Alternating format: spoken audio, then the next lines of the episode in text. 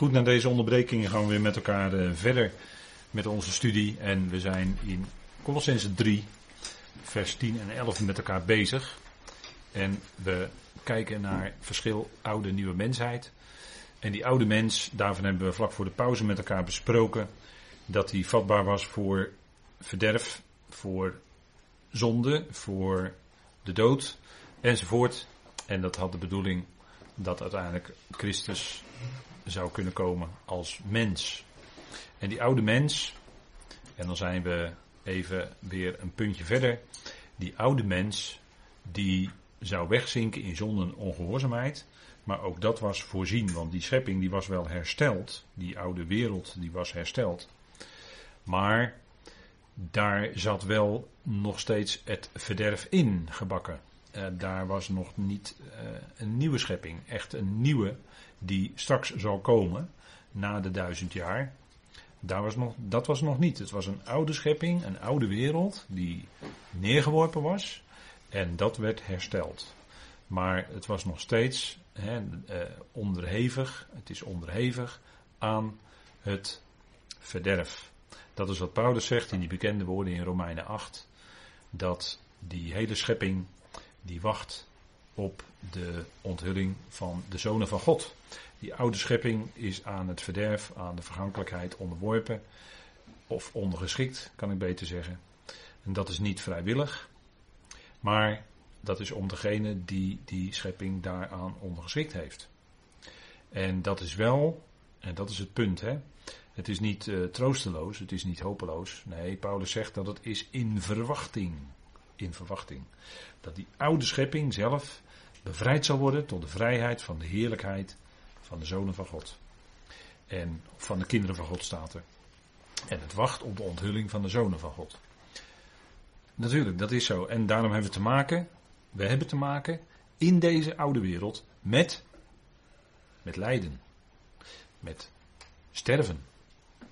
Het stervensproces. Als een babytje geboren wordt, dan zeggen wij heel fijn nieuw leven. Ja, zeker, dat is ook zo. En dat is ook heel fijn, daar zijn we blij mee. Maar het is toch een stervensproces. Dat zit er vanaf de geboorte al in. Zo benoemt de schrift dat, om uiteindelijk uit te monden in ja, het daadwerkelijk overlijden. Met één uitzondering. Paulus zegt: Wij zullen niet alle ontslapen, maar we zullen veranderd worden. Als bij leven wij dat moment mee mogen maken van de bazuin, dan zullen wij veranderd worden. Dan zullen we niet ontslapen, zegt Paulus daar. 1 Corinthië 15. Maar we zullen veranderd worden. En de doden in Christus zullen eerst opgewekt worden. Dat wel. Maar wij zullen dan veranderd worden. En dat is natuurlijk waar we naar uitkijken. Dat is ook onze troost. Daar had ik het vlak voor de pauze over. Dat is onze troost. Die verandering die gaat komen. En punt is, kijk, kunnen wij ten diepste. Maar dan praat ik wel over ten diepste. Kunnen wij de ander er ten diepste op aankijken dat hij zich verzet tegen God? Eigenlijk niet. Want wat zegt Paulus in Romeinen 11? En die tekst heb ik hier op deze slide aangehaald. Want God sluit allen tezamen op in weerspannigheid. En dan vraag je je af van, hè, op dat, en dat is natuurlijk met een doel, op dat staat er dan echt richtinggevend te woord in het Grieks, opdat hij allen barmhartig zou zijn. Dat is zijn doel. Maar ze zijn allemaal tezamen opgesloten in weerspannigheid. Paulus gebruikt dezelfde uitdrukking in Galaten als hij het heeft over de zonde. Dat iedereen is besloten onder de zonde. Daar kun je niet aan ontkomen als je geboren bent. Eh, je, je bent sterveling. En omdat je stervend bent, ben je ook een doelmisser. Dat is onontkoombaar. Aan de vruchten herken je de boom. Hè? Maar God heeft allen tezamen opgesloten in weerspannigheid. En dan vraag je wel eens af, wat is dat nou in een mens? Hè? Dat weerspannige, dat die, dat die harde nek, dat die maar niet wil buigen. Wat is dat nou? Nou, is dit. Hier heb je het antwoord. Romeinen 11, vers 32. God sluit allen tezamen op in weerspannigheid. Maar dat heeft een bedoeling, dat is niet zinloos. Opdat hij allen barmhartig zou zijn. Daadwerkelijk. Hij heeft die ontferming voor ieder mens. En dat zal ook blijken in zijn barmhartigheid. Al die Joodse mensen, want in Romeinen 11 gaat het natuurlijk over Israël en de volkeren. Maar het gaat uiteindelijk echt om iedereen hoor. En die volkeren. En met Israël komt hij ook tot zijn doel. Want Paulus heeft die geweldige woorden gesproken in Romeinen 11, vers 29. En dat geldt ook voor ons. De genadegave en de roeping van God zijn onberouwelijk. Daar komt hij niet op terug, want het zijn genadegaven. En dan kan hij er nooit op terugkomen. Voor ons is dat als gelovigen eonisch leven, is een genadegave. Gaat God nooit meer bij je wegnemen? Heeft hij aan jou geschonken? Het is genade. Je hebt er niks voor kunnen doen. Het is helemaal gratis en voor niks. Dus hij neemt het ook niet terug. Er is geen enkele reden voor. Is niet voorwaardelijk. Nee, genade is altijd zonder voorwaarden. God zegt: Ik geef jou dit en dit en dat. In genade, dat is dus zonder voorwaarden, heb je niks voor kunnen doen. Heeft mijn zoon alles voor gedaan, klaar. En neemt het ook niet weer terug, er komt er niet op terug. Dat is nou het karakter van de genade. En zodra er ook maar iets van werken bij wordt verzonnen door mensen, is het geen zuivere genade meer. En dan ben je niet bij Paulus, maar dan ben je bij leerlingen van mensen. Daar gaat die hele gelatenbrief over, dat hebben we natuurlijk uitgebreid met elkaar besproken. En toch denk ik heel waardevol, want ik hoor regelmatig van mensen dat ze die studie wel twee of drie keer beluisteren. En dan horen ze de derde keer ook nog nieuwe dingen. Dat is verbazingwekkend. Ja, dat vind ik ook. Want kijk, het punt is dat je met Gods woord bezig bent. En daar gaat het natuurlijk allemaal om. Gods woord is rijk. Gods woord heeft een enorme diepte.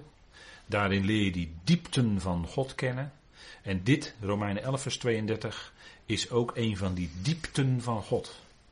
Dat u en ik daarvan iets mogen begrijpen, dat is ook alleen maar genade. Maar zo zit het wel in elkaar. mens zit gevangen in zijn eigen weerspannigheid, in zijn eigen ongehoorzaamheid, in zijn eigen zonde. Totdat God dit doet en dan is het over. Dat deed hij bij Paulus, Saulus Paulus ook. Daar zijn we bijna aan in handelingen, in de studies handelingen. Saulus, ja, maar dat wordt Paulus, hè. Die naamsverandering is heel veel betekenend. En als we, als we dat nog beleven, kunnen we dat nog bespreken in, in handelingen 13. Maar dat is wel heel bijzonder. Dat hij Saulus roept. Die met instemming stond te kijken hoe Stefanus gestenigd werd.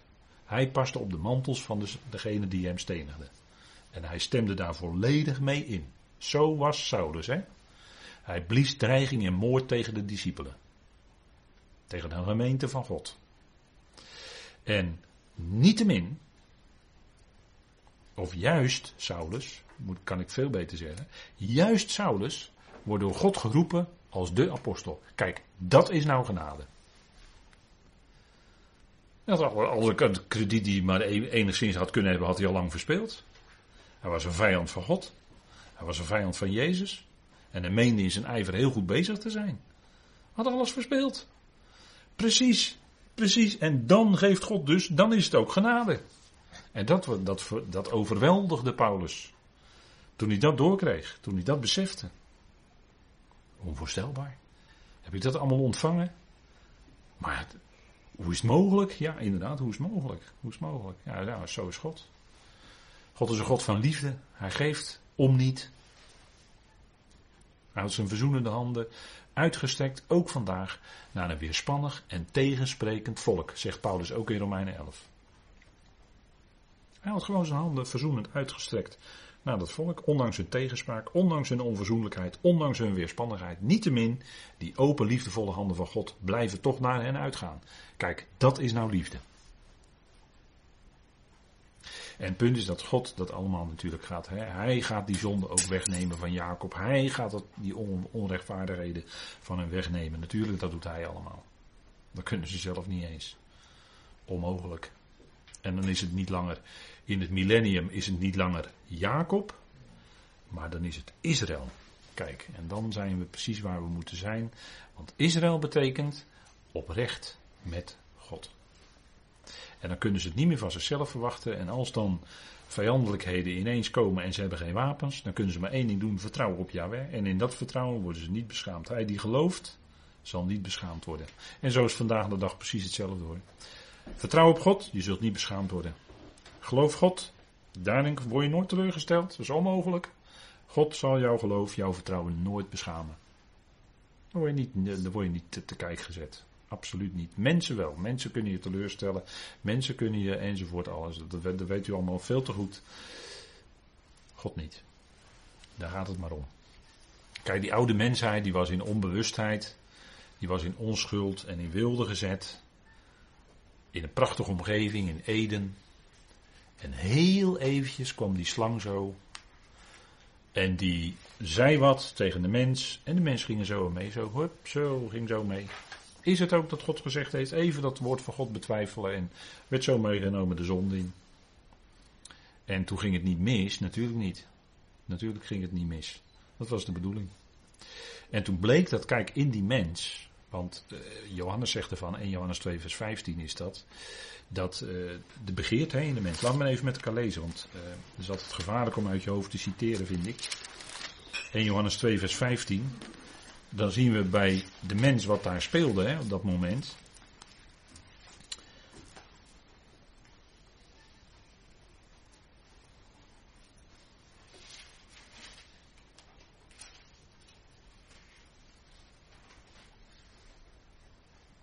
Dat is precies hoe, uh, hoe de mens misleid werd. Uh, in Johannes 2. Heb de wereld niet lief en ook niet wat in de wereld is. Als iemand de wereld lief heeft, is de liefde van de Vader niet in hem. Want al wat in de wereld is, de begeerte van het vlees, de begeerte van de ogen en de hoogmoed van het leven is niet uit de Vader, maar is uit de wereld. En dat is nou precies wat bij die mens in het begin speelde. Die slang die wekte die begeerte van het vlees, die boom van kennis, die was begeerlijk om van te eten enzovoort. De ogen werden erop gericht, hè? Kijk eens naar die boom van kennis, die vrucht. En de hoogmoed van het leven is dat die slang die gedachte had, een beetje die gedachte had bespeeld. En zo dacht van nou, uh, je zult als God zijn. Hoogmoed. Je zult als God zijn. En dat, is, dat zit ook in mensen vandaag de dag. En die, die wetteloze zal zich binnenkort in de tempel in de nog te bouwen tempel, te fabriceren tempel in Jeruzalem, zal hij zich zetten, die wetteloze, en dan zal hij zich laten aanbidden als was hij een God. Dat is helemaal de mens. De mens denkt in zijn waan, want het is natuurlijk een waan. En als ik het heb over de waan van de dag, dan is dat volop aan de orde hoor. De waan van de dag. Mensen leven in een waan. Ik moest vandaag denken aan een film die ik wel eens gezien heb. En die film die heet The Truman Show. Misschien heeft u die wel eens gezien. En dat is dan iemand die wordt dan, het is natuurlijk allemaal gespeeld in een film. Maar er wordt uh, iemand die wordt gezet in een, in een bepaalde stadje, zeg maar.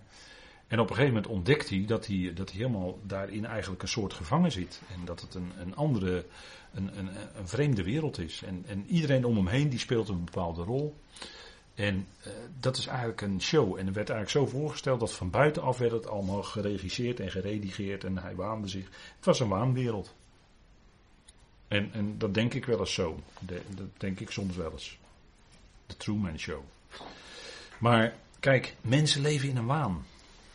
Mensen denken dat. Uh, en daar kunnen ze niks aan doen. Maar ze denken dan dat ze uh, heel veel dingen zelf kunnen regelen dat ze dingen zelf naar hun hand kunnen zetten. dat heet met een mooi woord manipuleren. Maar eh, op een gegeven moment zal er toch een keer spaak lopen, gaat het toch een keer mis. Maar we leven in de dag van de mens. En straks komt de dag des Heren. En daarna komt de dag van God. En als u dat weet, nou, dan heeft u uh, een echt goed, goede volgorde te pakken van de, de, het plan van God. Hè? En die mens die, die uh, begeert dan als God te zijn. Dat is ook de begeerte die in de, in de mens zit. Hè? En, en dat was bij de eerste mens ook zo. Al wat in de wereld is, begeerte van het vlees, begeerte van de ogen. Hè, er is vandaag een hele, wat men dan noemt, een hele beeldcultuur. Alles is in beelden, hè, televisie, Netflix, uh, YouTube, uh, noem alles maar op. Alles is beelden. En daar wordt de mens door bepaald. En daarom denkt die mens dat hij alles naar zijn hand kan zetten en uh, ja, dat is toch een hoogmoedige gedachte. En daar zal hij wel achterkomen. Daar zal hij achterkomen. Want er komt natuurlijk een keer een dag En dat komt steeds dichterbij. Er komt natuurlijk een keer een dag dat Christus gaat komen en dan is ineens alles voorbij. Dan is het ineens, dan blijkt ineens, hij is de Messias. En ja, voor, voor veel atheïsten, oh, hij bestaat toch. Ja, nou, eigenlijk diep in hun hart wisten ze dat wel hoor. Maar dan gaat hij de zaken rechtzetten. En dat zal dan heel snel gaan. En dan is het over. Dan is het over. Gelukkig gaan we ook daar naartoe. Kijk, die nieuwe mensheid, en daar mogen wij al nu al deel van uitmaken, die jonge mensheid, die is geschapen, zegt Paulus, in gerechtigheid en goedgunstigheid van de waarheid. En, en dat is wat ons bepaalt, hè. Gods gerechtigheid, Gods rechtvaardigheid, zijn goedgunstigheid en de waarheid. De waarheid. En dat, dat is ook daarin, in die nieuwe mensheid, is ook een geweldige eenheid. Dat is het grote, dat is een van de grote verschillen tussen de oude en de nieuwe mensheid. Die oude mensheid wordt bepaald door het vlees en is dus hopeloos verdeeld. Want iedereen meent het beter te weten dan de ander. Ook onder gelovigen is dat helaas vaak zo. Gelovigen zijn blijken ook vaak nogal eigenwijs te zijn. Maar daarvoor hebben we dan in dankbaarheid dit jaarthema. He? Steun op je eigen inzicht niet. Nee, vertrouw op de Heer met heel je hart. Daar gaat het om. Daar gaat het om. Het gaat niet om jouw waarheid. Nee, het gaat om de waarheid van God. Dat is nog heel wat anders. En die eenheid, die kan er ook alleen maar zijn vanuit God. Een eenheid kan er nooit zijn vanuit een menselijk gebrachte organisatie. Nooit. De werkelijke eenheid is de geestelijke eenheid en die is er vanuit God. Die is door God bepaald. Het lichaam van Christus zijn al die leden, die hebben allemaal diezelfde geest ontvangen. En dat is een eenheid. En dat zie je niet aan de buitenkant. Dat zie je niet aan een gebouw. Dat zie je niet aan een organisatie. Nee, dat is een levend organisme. Geen organisatie dus. Nee, die eenheid die, is, eh, die, die brengt God zelf tot stand. En daar zouden we naar kijken. En dat doen we ook. Kijk, die nieuwe mensheid is een verschil met het lichaam van Christus zijn. Dat heb ik vorige keer zijn we daar een beetje mee geëindigd. Maar dat was aan het eind van de avond en het ging toen een beetje snel misschien. Dus ik denk dat het goed is om dat nog heel even te herhalen. Herhaling is altijd, eh, denk ik, wel goed. Nieuwe mensheid, daar gaat het om de verhouding tussen gelovigen onderling. En dat is een voorbeeld in de toekomstige schepping. Hè. Daar mogen wij nu al een beetje prelude van zijn, als deel van de jonge mensheid, lichaam van Christus. Is, is aan, in een ander beeld deel van de nieuwe mensheid. Maar als het gaat specifiek om het lichaam van Christus, dat is iets bijzonders. Dat is een eenmalige verbinding met Christus. Dat is het beeld wat Paulus gebruikt. Dat is één organisme. Terwijl de nieuwe mensheid uiteindelijk veel en veel groter is. Dat gaat om miljarden en miljarden mensen. Maar het lichaam van Christus weten we niet hoe groot dat is. En toch zouden we daar ook niet te klein van denken. dat gaat om al die leden. En dat, dat is gelukkig niet iets dat wij bepalen. Hij kent de zijnen. Dat bepalen wij niet. Wij kijken alleen maar aan de buitenkant naar mensen en we kunnen wat gedragingen misschien waarnemen, enzovoort, enzovoort. Maar hij kent de zijnen. Hij weet het precies. Al die leden, ze zijn bij hem bekend. Natuurlijk. Kijk, die nieuwe mensheid, dat is gelovigen onderling, dan gaat het om gedrag. En dat wordt ook voorgesteld als een kledingstuk. Hè. Die oude mens, die leg je af. Hè, afleggen, dat is dan wel een mooi woord ervoor, voor die oude mensheid. Hè, want uh, dan denk je toch altijd ook aan een graf. Hè, oude mensheid. En dat is, dat is net als een kledingstuk, die nieuwe mensheid, dat doe je aan. Eerst leg je die oude mensheid af. En tegelijkertijd doe je de nieuwe mensheid aan. Een prachtig kledingstuk. Met uh, mooie.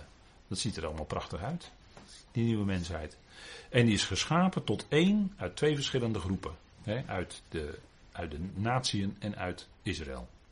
Twee verschillende groepen. Die zijn één gemaakt. En daartussen is de Zoreg, die middenmuur die er was in Jeruzalem, die is allemaal afgebroken, zegt Paulus in Efeze 2. Dus die twee groepen één. Lichaam van Christus is een ander beeld. Die moet je niet met elkaar verwarren. Maar dat is een bijzonder eenmalig. Is bijzonder en is eenmalig en is gericht op hem. En het lichaam van Christus heeft een hemelse plaats en een dito bediening. En Israël heeft een aardse plaats en eenzelfde bediening, een aardse bediening dus. Die twee lijnen zouden we altijd goed uit elkaar houden. Ja, en daar waar het niet gebeurt, waar mensen die lijnen niet uit elkaar houden, dan gaat het dus door elkaar lopen en dan heb je verwarring. En de verwarring binnen de christenheid is bijna eindeloos. Daar kom je nooit uit. Dat is een kluwen met allemaal draden door elkaar. Pas als je leert, gaat zien, via die twee verschillende evangeliën, gelaten brief, dat er twee lijnen lopen, gemeente en Israël, dan, en, je, en je, je gaat steeds meer zien dat het, dat het in de schrift ook onderscheiden grootheden zijn, lichaam van Christus en Israël, aardse bediening, hemelse bediening, nou dan, dan wordt het duidelijk. Dan wordt het duidelijk. Dan gaat die schrift ook veel meer tot je spreken. Want dan kom je langzamerhand uit die verwarring. En we zijn in Christus, hè, de leden van het lichaam van Christus zijn uitgekozen in Christus voor de nederwerping van de wereld. En geroepen tot plaats van zoon. En we zeggen dat dan nu even heel snel, dat is allemaal uit Efeze 1, maar dat is enorm rijk, dat is enorm veel. En kijk, die nieuwe mensheid, die is één in Christus. En dan zegt Paulus in Galaten 3, vers, eh, of in, eh, sorry, Colossense, Colossense 3, vers 11, hij zegt daarin is geen Griek of Jood. Want dat is wat in die oude mensheid verschil maakt en waar spanning op zit. De, de, de natie en Israël, daar zit spanning op. Dat is onderling, dat is in het vlees. Onderlinge verdeeldheid. Besnedenheid of onbesnedenheid. Kijk, bij Griek of Jood. Dan uh, Griek is iemand uit Griekenland natuurlijk. En een Jood is iemand die behoort bij het Joodse volk. Dat is waar. Maar in die begrippen, Griek en Jood, daarin klinkt ook iets door van de Griek is bezig met filosofie. Met denken. In Griekenland had je natuurlijk de grote denkers, al, al 500 jaar. Hè, voordat de Heer kwam en voordat Paulus kwam, waren er al 500 jaar werd er gefilosofeerd. Hè, door al die beroemde filosofen die vandaag aan de dag nog steeds beroemd en geroemd worden. Hè. Uh, Pythagoras en Socrates, Epimenides, Plato en noem alles maar op. Hè. De hele rattenplan. Of is rattenplan een verkeerd woord, dat weet ik eigenlijk niet. Maar goed, een hele filosofie en men heeft diep nagedacht en binnen het christendom is dan ook het neoplatonisme in de theologie doorgedrongen en dat heeft zo zijn sporen getrokken. En daarom gelooft men in de onsterfelijkheid van de ziel en gelooft men niet langer dat dood dood is, enzovoort enzovoort. Allemaal gevolg van filosofie van mensen, de slang. Dan heb je religie, dus ook de slang trouwens. En dat is bij, bij de Jood vooral, hè, religieus. Die staat eigenlijk voor de religieuze mens. Die wil wat doen. Die wil wat doen om toch even bij God, ja, moet God toch wel belonen, moet toch God wel, toch wel honoreren. En nou is het vervelende, dat zeggen er bijna ook, het vervelende is dat Paulus is gekomen. Die vinden dat vervelend. Want ja, bij de brieven van Paulus wordt daar een streep getrokken, zowel door de filosofie, want denk erom dat men in het Jodendom ook allerlei filosofieën komt, zelfs hele, ik heb wel eens hele wonderlijke filosofieën gelezen. Heel wonderlijk. Dat je denkt van nou, hoe komen ze daar nou toch bij? Maar, en de religie, hè, dus ook het Jodendom, religie, doen.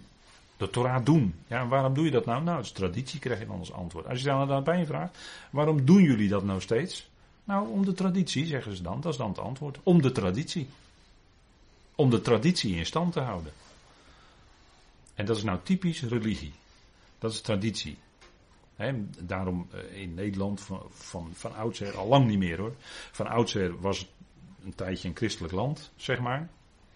Maar als je nu zou vragen van, ja, waarom, eh, waarom Pasen? Nou, geen idee. Eieren zoeken in de tuin of zo, geen idee.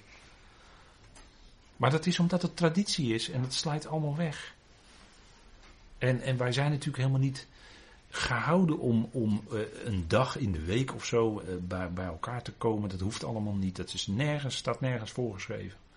Wij kennen geen dagen, maanden, vaste tijden, jaren. We hoeven geen Pasen, Pinkster zoals Israël te vieren. Of loofhutten of wat dan ook. Of uh, het, het hoe, hoe, noem je dat? Het lichtjesfeest.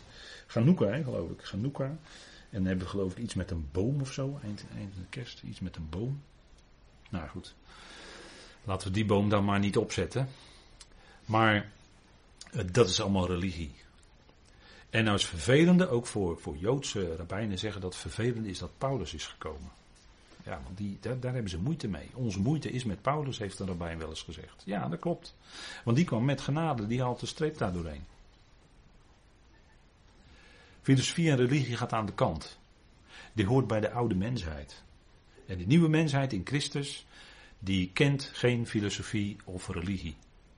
Het draait om, en dat is ook het antwoord, alles en in allen is Christus. Daar draait het om. En dan wordt het toch bij Paulus wel wat scherper. En dat hebben we ook wel gezien in, in Colossense 2. Het is filosofie of Christus. Het is religie of Christus. Kan niet, kan niet en en, dat gaat niet. Dat gaat niet. Want dan, gaat, krijg je die verwarring weer. Dan gaan de lijnen weer door elkaar lopen. En zo is het ook met besnijdenis of onbesnedenheid. Een besnijdenis was een teken van voorrecht dat je bij het volk Israël hoorde. Nu, nu maakt het helemaal niet meer uit, zegt Paulus. Of je nu besneden bent of onbesneden. En onbegrijpelijk als gelovigen zich dan alsnog laten besnijden. Daar kan ik niet bij. Dat kan ik gewoon niet begrijpen. Ik kan niet begrijpen. Maar goed, het gebeurt. Maar het is een, een teken van voorkeur aan het, wat aan het vlees gebeurt. Maar heb je dan, denk ik, niet, niet begrepen wat de betekenis was van de besnijdenis? Dat was om heen te wijzen naar de besnijdenis van Christus. Daar gaat het uiteindelijk om. En in de besnijdenis van Christus hebben we ook besproken, Colossense 2, daar werd het vlees, dat oude, werd afgesneden. Omdat het vlees er niet toe doet. Het vlees kan alleen maar een verhindering zijn. Dus besneden, besneden zijn of onbesneden maakt helemaal geen verschil. Of je Griek of Jood bent, maakt helemaal geen verschil. Barbaar of skiet, hè? barbaar is dan de, de ongecultiveerde, hè, zeggen we dan. Vandaag zeggen we de, dat is uh, degene die een beetje, ja, uh, nou, laat maar zeggen ongecultiveerd, laat ik het daar maar bij houden. En die skiet, dat is dan een inwoner ergens daar van de, bij de Zwarte en de Kaspische Zee zo, hè, in, ergens in de buurt van, eh, van Rusland. Hè. Maar dat maakt ook helemaal niet meer uit. Of je nou gecultiveerd bent of niet. Of je nu van het platteland komt of uit de stad. Ach, het maakt toch allemaal niks meer uit. Je kan je toch niet beroemen op, op het feit dat jij een Rotterdammer bent. Kom nou toch. Daar zijn we toch al lang aan voorbij. Dat speelt toch helemaal geen rol meer. Kijk, het maakt allemaal niet meer uit of je nou slaaf of vrije bent. Tegenwoordig zeggen dan of je nou werkgever bent of ondernemer, of dat je een, een werknemer bent of uh, iemand die uh, bedient. Dat maakt ook allemaal niet uit. Gelukkig niet zeg. Bij God, bij Christus, maakt het gelukkig helemaal geen verschil. Kijk, waar het punt om gaat is die innerlijke, geestelijke heerlijkheid. Alles en in allen is Christus. En daar zit voor, voor de mensen vaak een moeilijkheid. Want kijk, dan draait het niet meer om jou of om jouw wereldje. Nee, het draait om Christus. Dus die aandacht wordt verlegd. Van jou, van jouw eigen kleine bekrompen eigen wereldje, jouw eigen ik, komt daar een hele nieuwe identiteit. Dat is Christus. Dat is het antwoord. We hoeven niet langer te zoeken, je hebt het al mogen vinden. Christus woont in jou. Hij is jouw identiteit. Hij is jouw leven. Ons leven is Christus. Heeft toch net geklonken in Colossense 3, de eerste verse. Wees bedacht op wat boven is, waar Christus is. Dat is je blikrichting naar boven toe. En het is nodig dat we, dat we daar steeds weer bij bepaald worden. Dat het kindertje zo weer even omhoog gezet wordt. Dat heeft iedereen nodig. U heeft dat nodig. Ik heb dat nodig. Allemaal door dat evangelie wordt dat kindertje weer omhoog en we kijken omhoog naar God, naar Christus. En daar gaat het allemaal om. En dit is wat Paulus hier in Colossense 3 zegt, in feite exact hetzelfde als wat in Galaten 3 vers 28 staat. Eén in Christus. Terwijl Galaten 3 een eerdere brief is, geen volkomenheidsbrief, maar toch op dit punt klonk toen al precies hetzelfde. Eenheid in hem, in Christus Jezus, we zijn allemaal naar binnen in Christus Jezus gedoopt. Dat heeft niks met water te maken. Dat staat er ook niet bij dat het water is. Dat heeft helemaal niks met water te maken. Nee, dat is geestelijk gebeuren. We zijn naar binnen in dat ene lichaam gedoopt. Hoe? Wat is het element waarin gedoopt wordt? Niet water, maar geest. Zegt Paulus in een nog eerdere brief, 1 Korinthe 12. We zijn allemaal leden van hetzelfde lichaam. In één geest. Naar binnen in dat ene lichaam gedoopt. Zonder onderscheid. Maakt helemaal niet meer uit, want het is een geestelijk gebeuren. Dus verschillen in het vlees doen er totaal niet meer toe. En dat is nog eens goed om dat met elkaar vast te stellen. Hè. We, we, we, we, lopen er een beetje tegenaan hier in Colossense 3 vers 11. En dan kan je natuurlijk heel makkelijk even snel lezen en er dan voorbij gaan. Nee, dat doen we niet. We staan er nadrukkelijk bij stil. Omdat dit hele wezenlijke dingen zijn. Dat je leert zien met, uh, met ja, op een, wat meer geestelijke manier. Leert kijken naar de dingen. En wat loskomt van al dat, uh, laat ik maar zeggen, menselijke. We zijn als leden van het lichaam van Christus zo vaak heel menselijk bezig. En, en als, als er dan iets optreedt in de maatschappij of wat dan ook, eh, om ons heen, dan, dan, dan doet het, vind ik, en dat doet me echt verdriet, dan doet het verdrietige verschijnsel zich voor dat, dat ook binnen geloof mensen tegenover elkaar komen te staan. En dan zou je toch verwachten, met het evangelie kennend, dat we in liefde en genade en, en uh, een veel gehoord woord in de wereld is dan respect. Maar met elkaar om zouden gaan als medebroeders en zusters, als medegelovigen. Zou je mogen verwachten. En als er dan mensen zo, soms zo fel en zo fanatiek tegenover elkaar komen te staan. Ik vind dat heel verdrietig. Ik vind dat heel verdrietig. En het punt is dat dat omdat je dan beseft van ja, maar wacht nou eens even. Wij zijn toch allemaal leden van datzelfde lichaam. En waarom laten we dan, geven we dan toch nog ruimte aan die tegenwerker? We hebben toch die wapenrusting. En die doen we toch aan. En waarom laten we dan toch die tegenwerker een voet tussen de deur krijgen? Want tweespalt zaaien, dat is een favoriete hobby onder gelovigen hoor. Daar is die expert in, bedoel ik eigenlijk te zeggen. De tegenstander, hè? Of geestelijke machten. En dat is wat hij niet liever wil. Verdeeldheid. Dat mensen weer op dat punt even terugzakken in hun vlees. En, en, en zo bezig zijn met elkaar. En dan praten we hier over Colossense 3. Wat zouden wij aandoen? Wij zouden aandoen die nieuwe mensheid. Want wie zijn wij? We zijn uitgekozenen van God notabene. Dat wordt ook van Israël gezegd. Maar die staan op een ander plan, die staan op een ander punt in het plan van God. Zijn ook uitgekozen, maar wij zijn ook uitgekozenen van God voor een andere bediening. Heiligen en geliefden, wordt ook tegen Israël gezegd. Maar ik zou bijna willen zeggen, hoeveel te meer geldt het ons, wij die geen verbonden hadden, wij die geen belofte hadden enzovoort. Ook wij zijn heiligen en geliefden. En zelfs, mag ik zeggen, op een nog hoger plan dan Israël. zo spreekt God ons aan. Wij zijn u en ik, al die leden van het lichaam van Christus. Ook degene waar u het hardgrondig mee oneens bent op dit moment. Die zijn allemaal uitgekozen door God. Die zijn allemaal heiligen. En die zijn allemaal net zo geliefd door God als dat jij dat bent. Dat is eenheid. Zo te denken, te leren denken. We hebben toch de denkzin van Christus. Zo te leren denken over die ander. Zo naar die ander te kijken. Dat is, dat is in feite wat het evangelie bedoelt. Daar zijn we mee bezig in Colossense 3 nu. Hè? Wat doen wij aan? Medelijdend mededogen. Wat betekent dat woord medelijden? Dat is ontferming. Dat is zoals de Heer met ontferming bewogen was over zijn volk, over zijn medevolksgenoten, wat hij zag.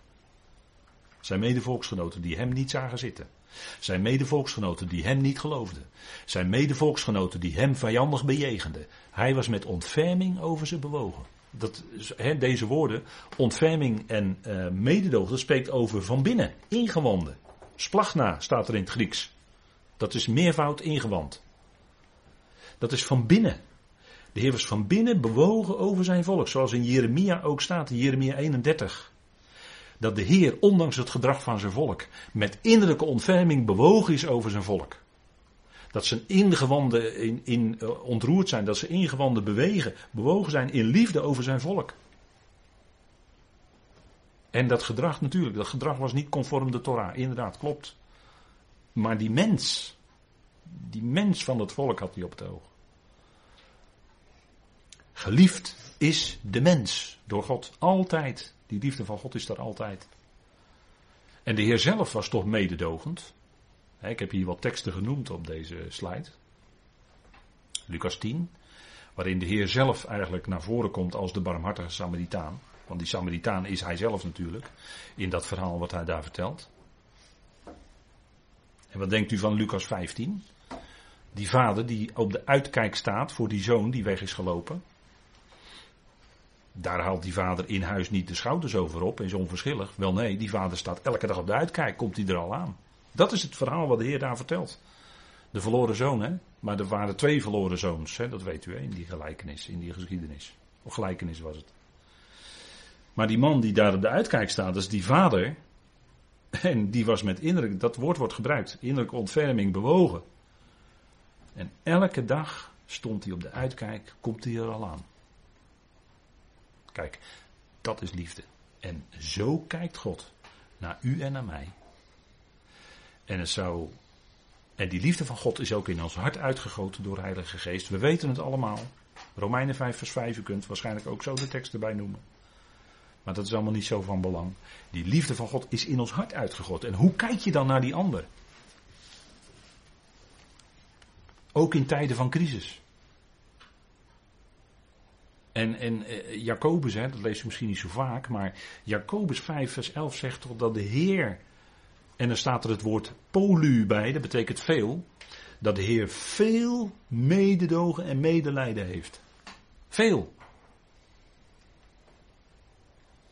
En zo is God ook. Hè, Lucas 6 vers 36. Lucas, degene die veel met Paulus is opgetrokken. De arts. De, de geleerde. En die heeft mogen schrijven. En die trok op met de geleerde Paulus. En uh, wat, wat schreef Lucas in Lucas 6, vers 36? Hij zei, en uh, daar houdt de Heer dan zijn volk voor, als hij te midden van zijn volk is, wees dan barmhartig, zoals jullie vader ook barmhartig is. Wees dan barmhartig zoals jullie vader met een hoofdletter ook barmhartig is. Want in Tenach klonk best wel dat God ook de vader is van zijn volk. Ik heb dat, denk ik, ik heb dat zelf, denk ik, ook mogen doorgeven in de studies openbaring. Hebben we dat aan de hand van profetie, uitspraken gezien. Dat God ook de vader is voor zijn volk. En dat als de Heer Jezus dan zijn discipelen leert bidden, onze vader die in de hemelen zijt, dan klonk dat niet onbekend hoor. En dat is natuurlijk het gebed voor het koninkrijk, natuurlijk, natuurlijk. Maar vader is barmhartig. En dan zegt hij, wees ook jullie barmhartig. Barmhartigheid. Dat is hetgeen wat, en de liefde, dat is hetgeen wat boven, boven de strikte regels, ook boven het, al, al de strikte menselijke uitgaat. Hè? Ik denk dat het daarom gaat.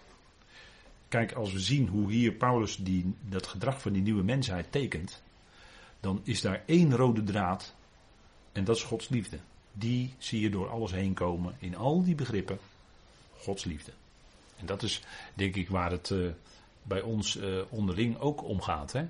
Kijk, en dan uh, vers 12. En dan om, om, omwille van de tijd gaan we daar vanavond een klein aanzetje voor geven. En de volgende keer dan hopen we daar verder mee te gaan. Hoe ziet dat er dan uit? Wat doen we dan aan mildheid? We doen aan ootmoedige gezindheid. We doen aan zachtmoedigheid en geduld.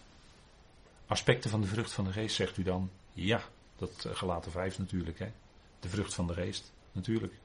Kijk, en je ziet in contrasten, uh, zie, je, zie, je, zie je het misschien wat duidelijker, hè? Zo werken parallelismen ook in het Hebreeuws. Maar door contrasten zie je dat duidelijk. Mildheid, mild betekent ook bruikbaar, hè? vanuit de grondbetekenis. Grestotes staat er dan in het Grieks. Tegenover mildheid, tegenover dat felle en dat fanatieke en dat betere willen weterig zijn dan anderen, weet je wel zo. Wat je, wat je onder mensen, maar ook onder gelovigen hebt. Mildheid. Ootmoedige gezindheid. Met Filippenzen hebben we toch zo duidelijk gezien dat het dan gaat om laag geneigdheid. En dus niet omhoog, dat is natuurlijk de tegenstelling. Ootmoedige gezindheid. Allereerst tegenover Gods woord. Hoe stel jij je nou op? Hè? En hoe, wat merk je nou bij jezelf ten opzichte van Gods woord? Nou, ootmoedigheid. Ja, vader, wat u zegt, ja, zo is het. Ja, zo is het. Dat is hartstikke fijn. Daar ben ik blij mee. Ik wil er niks aan veranderen. Geen, niks. Geen titel of jota, helemaal niks. Het is uw woord. Dat is kostbaar. Dat is heilig. Dat is, dat is iets wat zo geweldig is. En alles staat op de juiste plek. Elk woord is zevenvoudig gelouterd. Daar willen we niks aan toe, of daar willen we niks aan afdoen. Zachtmoedigheid. En gelovigen kunnen ook onderling zo hard naar elkaar zijn. En dan denk ik, als ik dat merk, dan denk ik van ja. Ja. Ja. Geduld. we zouden met geduld, dat is, uh, hoe hebben we dat bij Efeze 4, hè, dan, dan heb je altijd dat zo in gedachten van, dat is lang met elkaar er de moed inhouden. Zoiets, hè, geduld. Macro, daar zit het woord macro in. En macro is iets groots, is iets wat, wat, wat langdurig is. dus, en bij ons is geduld vaak micro. maar in het Grieks staat daar macro. Macrotumia. He, geduld. Dus dat is lang. In Statenvertaling is dat nog een mooi woord. Dat is langmoedig zijn. Dat is geduldig zijn. Geduld hebben met je eigen kinderen. Oeh, dat is zo moeilijk soms, hè. Eigen kinderen. Jongen, jongen, jongen, jongen. Maar als ouder leer je dat wel. Als ouder moet wel. Je moet het wel leren geduld met je kinderen te hebben. Maar ja, soms is dat akelig moeilijk. En dan je medegelovigen. Ja, dat is soms ook wel akelig moeilijk hè. Kijk, en als je constateert nou bij elkaar. Ehm, eigenlijk kun je dat niet, eigenlijk kun je dat niet van elkaar eh, zeggen of denken. Maar goed, uh, ja, misschien formuleer ik het nu helemaal verkeerd hoor. Maar als je hè, als medegelovigen en je bent, je bent al tientallen jaren zeg maar gelovig. En, en dan constateer je nog steeds een stuk ongeduld. Of je constateert nog steeds dit. Of je constateert nog steeds dat bij elkaar. Ja, uiteindelijk, ja, we trekken met elkaar op. En we zijn mensen en we hebben zo onze tekorten hier en daar. En we kennen elkaar door en door misschien na zoveel jaar. Ja, dat zal allemaal. En dan is juist die liefde van God daar in ons hart. Zodat we ook geduld met elkaar kunnen hebben. En, en zijn we hier niet op deze aarde nog steeds in, laat maar zeggen, de, de ja, middelbare school? Middelbare school nog? Of zijn we al een beetje, beetje naar iets hoger onderwijs gekomen? Of zitten we in de praktijk nog op de kleuterschool? Dat kan ook hoor. Soms, soms denk ik dat bijna wel eens. Dat we als gelovigen nog een beetje op de kleuterschool zitten. Terwijl we naar de tijd gerekend, zegt Paulus, hadden we eigenlijk al in dat hogere onderwijs kunnen zitten. En als je het hoger onderwijs gehad hebt, ja, dan, dan heb je enorme voorbereiding gehad op te midden van de hemelingen. Daar gaat het natuurlijk allemaal om. Daar is dit een hele leerschool voor in ons dagelijks leven. En elke dag is weer een stukje ja, zachtmoedigheid, ootmoedige gezindheid, geduld, mildheid. Dat zijn van die fijne dingen die horen bij die nieuwe mensheid. En ik zou zeggen, laten we die nou aandoen. ik denk dat dat dan, dan, dan functioneert het zo onder elkaar, denk ik. Op een fijne manier kan het functioneren. Zo de Heer daarvoor danken met elkaar. Vader, we danken u dat we ook weer een moment stil konden staan bij dat geweldige woord van u. En als we daarover nadenken met elkaar, dan besef je weer opnieuw hoe groot uw heerlijkheid is. En dat we met z'n allen maar één ding doen, en dat is opzien naar u. En het geweldige zien wat u geeft in uw zoon aan ons. Vader, wat een geweldige Heer hebben, wat een geweldige hoofd. En dank u wel dat we leren elke dag weer een stukje om ons aan Hem te onderschikken in ons leven. Dat is waar het om draait. Vader, doe ons wandelen in die ootmoedige gezindheid zoals Hij dat heeft voorgeleefd. Hij die in die gezindheid die weg is gegaan, die diepste weg. Ja, zelfs tot de dood van het kruis. Vader, wat een enorme diepe weg is dat geweest. kunnen we maar nauwelijks beseffen. kostbare van het kruis. Wat zo bij uw apostel naar voren komt, vader, en daar dank u voor. We danken u voor de woorden van het geloven, van het uitstekende onderricht, dat we mogen volgen en wat we woord voor woord met elkaar willen spellen. Omdat er zoveel in zit en zo rijk is.